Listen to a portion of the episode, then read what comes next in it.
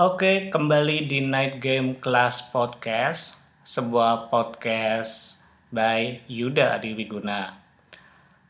Terima kasih buat kalian yang sudah ngedengerin podcast gue yang berjudul Sejarah dan Awal Mulai Night Game Class.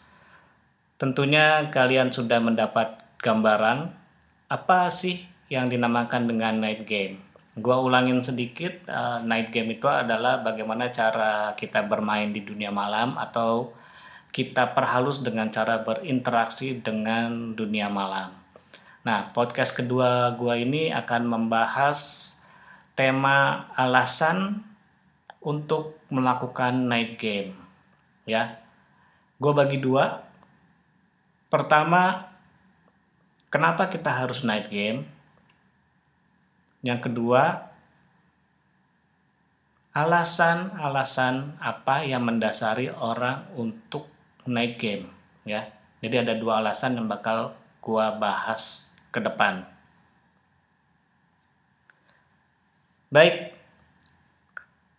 Gua akan mulai masuk ke teori, ya boleh dibilang teori ya, karena uh, eh, gue pernah mengajarkan ini dalam sebuah kelas interaksi workshop berjumlah lima orang. Waktu itu gue adakan di daerah Kemang di mana selama dua jam kita ngebahas soal teori dan kemudian tanya jawab.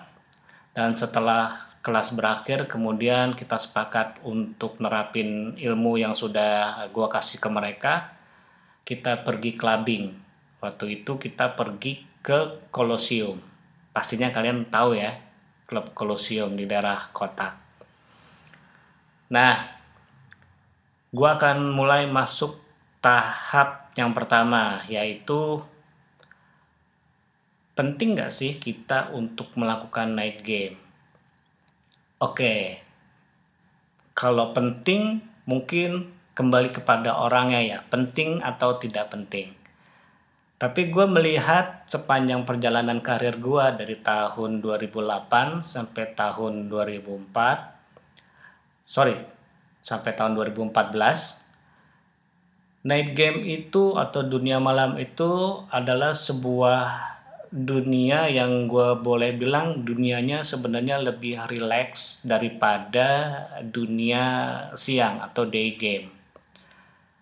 Yang mana kalau misalnya day game kita itu ter apa ya terkait dengan urusan dunia kerja. Jadi ketika kita berinteraksi dengan orang sekitar kita pun pastinya terbentur dengan urusan dunia kerja ya. Pasti kita ketemu atau ngobrol itu tentang kerjaan kita dan mungkin kita cuma punya satu jam buat waktu istirahat dan itu pun boleh dibilang limit sekali karena ada yang beribadah, ada yang kemudian makan siang, kemudian makan siang mungkin jeda antara makan siang dengan ngobrol-ngobrol basa-basi atau mungkin sambil merokok setelah itu ya boleh dibilang cukup uh, singkat sekali ya. Jadi bagaimana kalian memaksimalkan kehidupan day game kalian? Nah, salah satunya adalah di dunia night game. Nah, gue melihat tadinya adalah uh, di dunia night game ini uh, orang-orang tadi gue bicara adalah lebih rileks ya. Kenapa lebih rileks? Karena dunia night game itu boleh dibilang kan dunia yang terjadi setelah after office hour ya. Jadi kita sudah tidak ada pekerjaan, kita sudah tidak ada urusan yang kita kejar-kejar, kita sudah tidak berinteraksi dengan bos kita, kita sudah tidak bergelut dengan laporan ataupun tetek bengek lainnya soal kerjaan kita. Dan di sini biasanya di dunia malam ini ya kita mungkin after office bisa langsung janjian sama teman-teman kita untuk uh, hangout ya, untuk ngobrol mungkin cuman sekedar ngobrol soal problem kalian diputusin pacar atau kalian sedang mendekati seorang cewek atau bahkan sampai problem-problem krusial. Mungkin kalian ya dalam titik nadir ya dalam perubahan karir kalian atau mungkin titik nadir dalam kehidupan rumah tangga kalian. Dan mungkin after office hour itu kalian juga bisa melakukan hal-hal yang lainnya seperti kalian bisa main futsal, bisa main bola, bisa nongkrong di kedai kopi anything bahkan kalian bisa melakukan juga ya mungkin ada teman-teman kalian suka karaoke ngajakin yuk kita karaoke yuk hari ini oke kemudian kalian sepakat untuk pergi sama-sama ke sebuah karaoke yang telah kalian booking sebelumnya.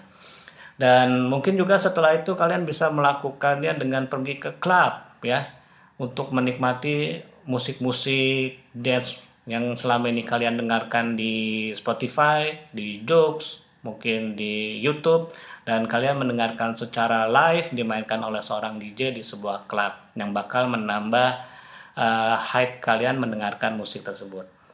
Nah, kembali kepada penting atau tidak pentingnya night game. Pertama, gue melihat orang-orang yang ada di night game itu lebih relax ya. Yang pertama karena mereka tidak lagi berurusan dengan kantor.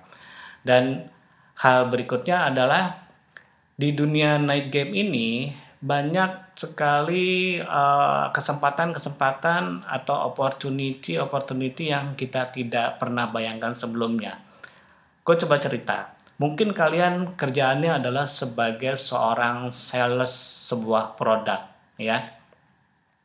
Nah, ketika kalian menjadi seorang sales, kalian ditarget sales pastinya kan oleh sebuah perusahaan tempat kalian bekerja. Nah, Bagaimana cara kalian menjual produk tersebut? Tentunya kalian harus menemukan cold market. Bisa kalian mulai dengan hot market yaitu market yang ada di seputaran kalian. Tapi kalau misalnya hot market kalian sudah habis dari teman-teman kalian kalian sudah tawarkan dan ada yang membeli dan tidak membeli dan ternyata kalian memiliki teman let's say 10 orang ternyata 10 orang itu sudah habis Bagaimana cara kita menemukan lagi market yang bisa kita tawarkan? Nah, kalau gue uh, menganjurkan kalian bisa menemukan itu di night game.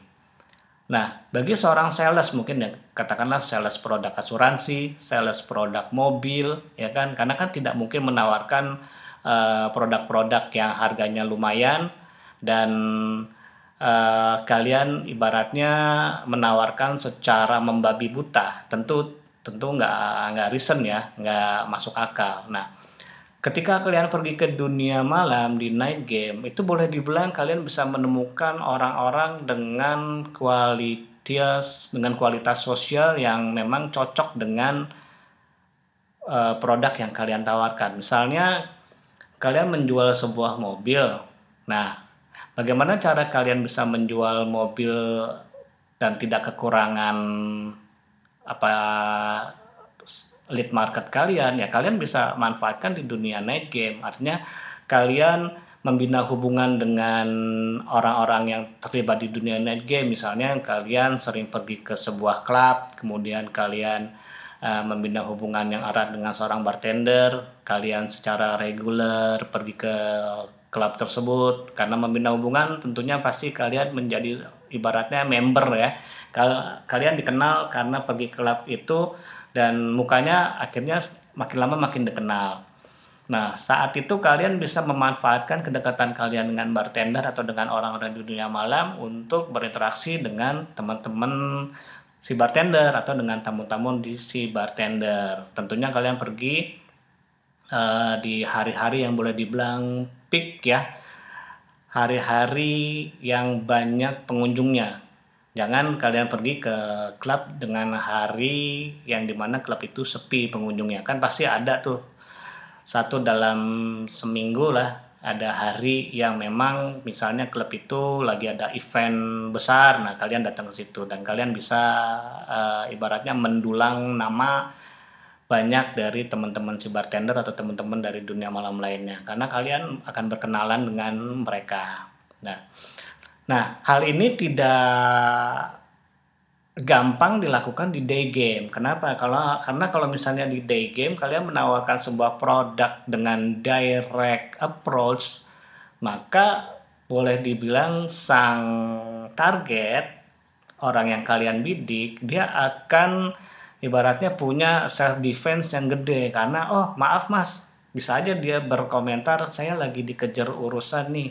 Saya lagi ditunggu sama teman saya. Padahal mungkin dia sedang tidak ada urusan apa-apa, tapi karena dia males menerima telepon kalian dan juga mereka tidak mengenal kalian, kalian cuma mengkontaknya lewat ya boleh dibilang lewat data yang dikasih oleh perusahaan kalian, maka susah. Ya namanya cold market kan. Jadi kalian harus membina hubungan di awal ya dengan mereka dan uh, di day game gue menemukan itu agak sulit karena gue juga pernah memiliki profesi sebagai orang yang jualan kredit tanpa agunan dari sebuah bank yang ibaratnya bank Belanda lah ya. Kalian pasti tahu bank itu namanya. Tapi bagi orang-orang yang uh, jadul nih pasti tahu nama banknya. Gue pernah ada di posisi itu gue pernah menjalankan uh, sebagai seorang sales di KTA kredit tanpa agunan nah ketika kalian di dunia malam kan ibaratnya orang-orangnya lebih lus kalian juga bisa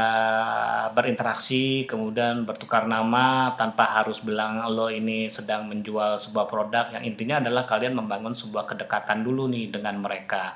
Setelah kalian dekat kemudian kalian saling ketemu mungkin sekali dua kali atau mungkin beberapa kali di pertemuan yang sama di klub akhirnya kalian bisa cerita oh ya background gue sebenarnya adalah gue ngejual ini gue posisinya ini gue lagi mencari orang-orang yang pas untuk uh, produk gue mungkin boleh dikasih tahu mungkin mungkin masnya punya uh, beberapa nama. Ya kalau misalnya kalian udah kenal kan justru hubungan itu akan menjadi lebih gampang. Kalian dipercaya. Kalian membina hubungannya itu tidak ibaratnya hanya sales oriented ya tapi kalian juga membina hubungan dengan klien baru anda gitu. Nah jadi kembali kepada poin yang pertama, penting atau tidaknya kalian membina hubungan, uh, sorry, penting atau tidaknya kalian melakukan night game itu bisa dibilang penting buat mereka yang memang uh, profesinya adalah menjual sesuatu orang. Uh, gue bilangnya adalah tipikalnya adalah adalah salesperson, ya. Nah, yang kedua penting atau tidaknya menurut gue adalah penting banget buat kalian yang kaku ya. Kenapa gue bilang kaku? Karena kan kalian banyak sekali ini mungkin mendengar nih uh, istilah baper ya. Kemudian kaku loh kayak kanebo gitu bercandaan-bercandaan kita sekarang ya. Ya artinya orang itu kaku nggak biasa berinteraksi nggak biasa di ibaratnya di apa sih uh, namanya dicengin gitu ya. Kemudian ketika dicengin dia akhirnya baper dan kalaupun dia membalas cengan kita ya tentunya dengan sebuah kalimat yang uh, ibaratnya yang nggak banget deh. Artinya ya kita bisa melihat dari situ bahwa mereka bukan orang yang banyak bersosialisasi dari cara mereka nge-reply membalas komentar kita.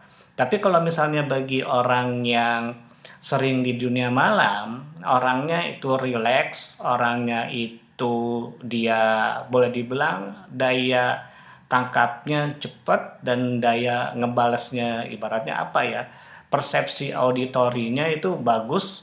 Mungkin dia ketika dicengin ah uh, misalnya cengan yang paling standar weh cewek baru nih gitu kan Nah, kalau misalnya bagi orang yang kaku mungkin dia bilang mungkin kenapa lo suka sama cewek gua. Nah, itu kan ibaratnya self defense yang ibaratnya ngebalik menyerang si yang melempar komen yang pertama.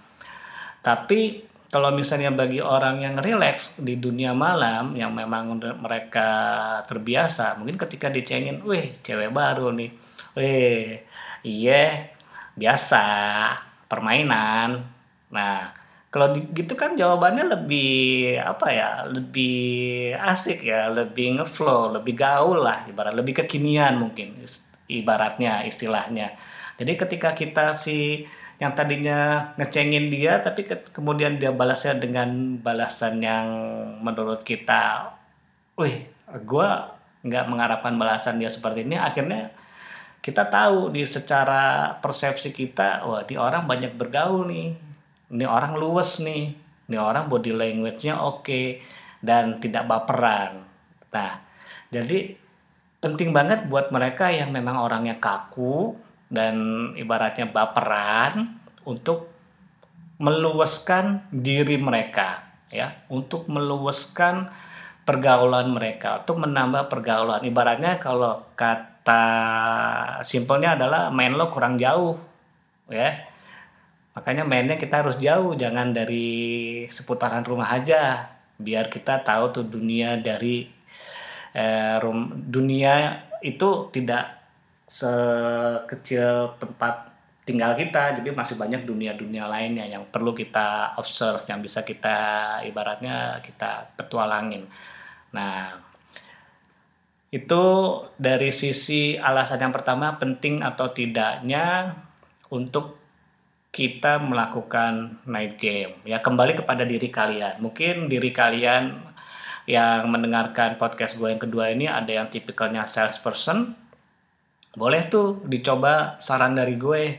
Karena apa yang gue lakukan juga ternyata membantu sekali karena di dunia malam boleh dibilang dunia yang prototipenya lo punya banyak temen lo punya banyak cewek lo punya banyak link ke setiap uh, kebutuhan.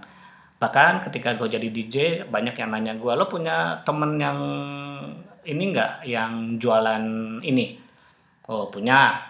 Lo punya temen nggak yang uh, desainer baju? Punya lo punya temen nggak yang punya io punya ya kan? Jadi di dunia malam itu ibaratnya kalian akan bertemu dengan orang-orang yang punya channel yang sangat luas yang ketika kalian menanyakan suatu keperluan kepada mereka ya mudah-mudahan mereka punya jalan keluarnya karena mereka punya link itu ya Oke, dan kalau misalnya kalian memang termasuk orang yang kaku, kemudian baperan, ya boleh dicoba juga saran seperti gua.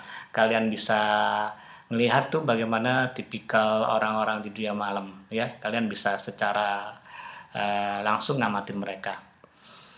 Oke, sekarang kita masuk ke uh, poin kedua, yaitu poin kedua itu eh, alasan-alasan uh, umum orang untuk melakukan night game. Nah, alasan-alasan ini gue rangkum berdasarkan pengalaman gue sendiri, berdasarkan persepsi gue sendiri. Jadi mungkin banyak sekali alasan-alasan yang pastinya uh, apa ya, yang pastinya juga mewakili dari alasan-alasan dasar orang untuk melakukan night game. Tapi yang gue bahas di sini adalah alasan-alasan yang simple, ya, alasan-alasan yang menurut gue adalah umum untuk dilakukan. Oke, alasan yang pertama yaitu buat menikmati dance music. Ya pastinya ya, di mana kalian bisa menikmati dance music kalau tidak di club, di cafe, di lounge atau di bar pastinya beda kalau misalnya kalian menikmati dance music di Spotify, di Joox, di YouTube ya. Karena kan speakernya juga limited, speaker HP, speaker komputer. Nah, ketika kalian menikmati dance music di club itu dengan kekuatan sound system club yang gokil ya. Kalian bisa ngerasain tuh dentuman bassnya, sub bassnya, kemudian ya semua itu akan menambah keseruan kalian menikmati hype dari sebuah lagu dance music ya. Jadi kedua uh, club cafe lounge bar adalah sebuah tempat yang cocok banget untuk menikmati dance music. Itu alasan yang pertama oke. Alasan yang kedua adalah buat menambah dan memperluas social circle. Nah, ini yang tadi gue cerita ya di awal. Kalau kalian adalah orang yang kerjanya sebagai seorang salesman, salesperson atau kerja di marketing, kalian mau memperluas social circle kalian di mana kalian bisa menawarkan produk kalian ke orang yang lebih banyak, keluar dari zona friend lo Kalian bisa melakukan ini di dunia malam. Kalian harus sabar, pergi ke dunia malam, berinteraksi, membangun hubungan, nanti lama-lama akan menambah sendiri. Pernahkah lo baca buku ya, buku-buku psikologi?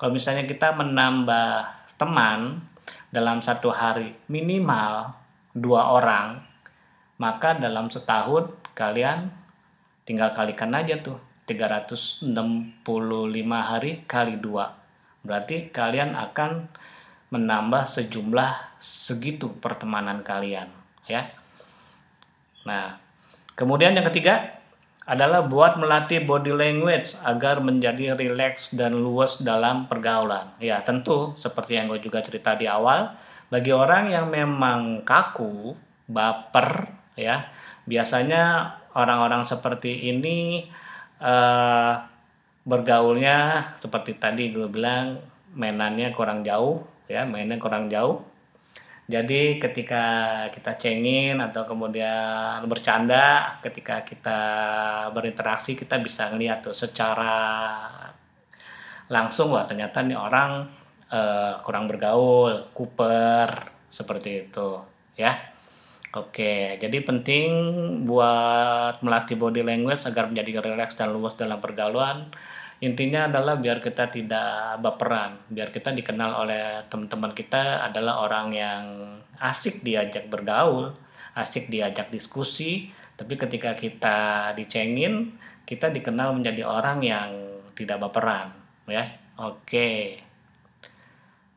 Berikutnya nah ketika kita melakukan night game pastinya kita ingin mencari cewek ya. Ini gue ngomong sih karena gue seorang laki jadi gue ngomong ini ke audiens gue yang juga kebanyakan laki. Mereka melakukan night game pasti karena mereka pengen cari cewek pengen kenalan sama cewek. Kenapa ya? Prototipe seorang uh, seorang yang profesinya di dunia malam let's say gue seorang DJ pasti uh, tanpa sadar ketika prototipenya di mata temen gue adalah, weh, DJ Haji nih, iya, weh, temen lo banyak dong, cewek lo banyak dong, ya. Jadi itu adalah prototipe yang biasa uh, melekat dalam status sosial orang yang berprofesi di dunia malam. Makanya mereka melakukan night game. Salah satu unsur utamanya adalah buat cari cewek ya. Oke. Kemudian berikutnya adalah buat hura-hura. Ya tentunya bagi mereka yang banyak duit, buat mereka yang memang mungkin lagi ulang tahun, lagi celebration of something, lagi anniversary, kemudian di mana cara mereka hura-hura? Ya udah, mereka pergi ke klub, mereka undang teman-teman, di mana di situ mereka bisa ketemu saling ngobrol kemudian ketawa ketiwi sambil ngedengerin dance musik dan kemudian akhirnya mereka bisa enjoy ya bisa enjoy malam itu nah di sini juga boleh dibilang buat ngilangin stres. Mungkin bisa juga. Kalau misalnya kalian memang tipikal orang yang stres kerjaan kalian itu kerjaan yang uh, memiliki tanggung jawab yang tinggi. Kemudian kalian tidak berhenti bekerja boleh dibilang dalam sehari kalian bekerja enam hari di mana orang lain bekerja lima hari dua hari libur kalian bekerja enam hari satu kali libur. Nah di hari libur itu kalian manfaatin banget buat keluar malam buat night game ya tentunya buat ngilangin stres. Kalian pengen uh, ngedengerin dan melihat sesuatu yang kalian tidak pernah melihatnya karena selama ini kalian disebutkan oleh masalah pekerjaan, meeting ke sana ke sini, bikin laporan ke sana ke sini dan kemudian dimarahin bos sana sini, ya. Oke. Kemudian uh, alasan berikutnya adalah sebagai jalan keluar dalam proses pencarian jati diri. Nah, nah ini banyak banget nih buat anak-anak muda nih, ya. Karena gue juga pernah mengalami muda, ya. Kalau sekarang sih mungkin boleh dibilang setengah muda atau muda kelewat setengah, Tuh, nggak tau lah. Jadi intinya banyak ketika gue ber uh, berkecimpung di dunia malam ya banyak memang usia-usia yang mereka uh, nyembur di dunia malam itu ya boleh dibilang usia-usia awal uh, awal kuliah ya kurang lebih ya. Setelah mereka meretas dari eh menetas dari SMA kemudian mereka masuk kuliah boleh dibilang kan kalau kuliah itu mereka bebas menentukan jati diri mereka mereka mencari jati diri mereka dan mereka boleh dibilang sudah tidak dikungkung oleh orang tua. Kalau SMA mereka harus belajar harus ini harus itu saran dari orang tuanya tapi ketika udah kuliah mereka boleh dibilang lepas dari uh, kandang mereka dan mereka bebas melakukan apa yang mereka mau. Mereka mengejar apa yang mereka mau dan biasanya dalam proses mencari jati diri uh, banyak sekali uh, anak muda yang nyebur ke dunia malam karena mereka belum pernah melakukan itu dan akhirnya mungkin bisa jadi alasan ya mungkin bisa juga tidak benar jadi uh, ya silahkanlah namanya juga opini gua pribadi jadi mereka mencari jati diri, mereka ke dunia malam. Bahkan boleh dibilang kan orang yang night game atau yang ke klub, wih, banyak duit kan. Nah, tentunya bagi anak kuliah yang setiap weekendnya bisa keluar malam, dia secara sosial nilainya lebih tinggi dibanding teman-teman lainnya. Ini yang gue alamin. Misalnya, gue ngelihat oh si Anu kok uh, malam ini misalnya dia nggak pergi ke klub ini. Kemudian uh, malam berikutnya dia pergi ke klub ini. Atau kita mengenal uh, orang yang populer di kuliahan kita adalah orang-orang yang memang mereka sering melakukan dunia malam. Artinya mereka eksis di dunia malam. Ya kan? Kalau dunia malam kan dunia yang boleh dibilang juga pengeluarannya banyak ya. Benar nggak sih? Kalian butuh duit untuk minum, kalian butuh duit buat berinteraksi sosial, ya. Tentunya hanya orang-orang dengan finansial yang oke okay yang bisa pergi dunia malam dan tanpa kita sadarin ketika kita sering pergi ke dunia malam, kita nilai kita menjadi tinggi di hadapan teman-teman kita lainnya. Oh, dia sering dunia malam nih. Wah, itu artinya uh, dia pasti temennya banyak, linknya banyak ya. Oke, seperti gua waktu kuliah di Trisakti ya.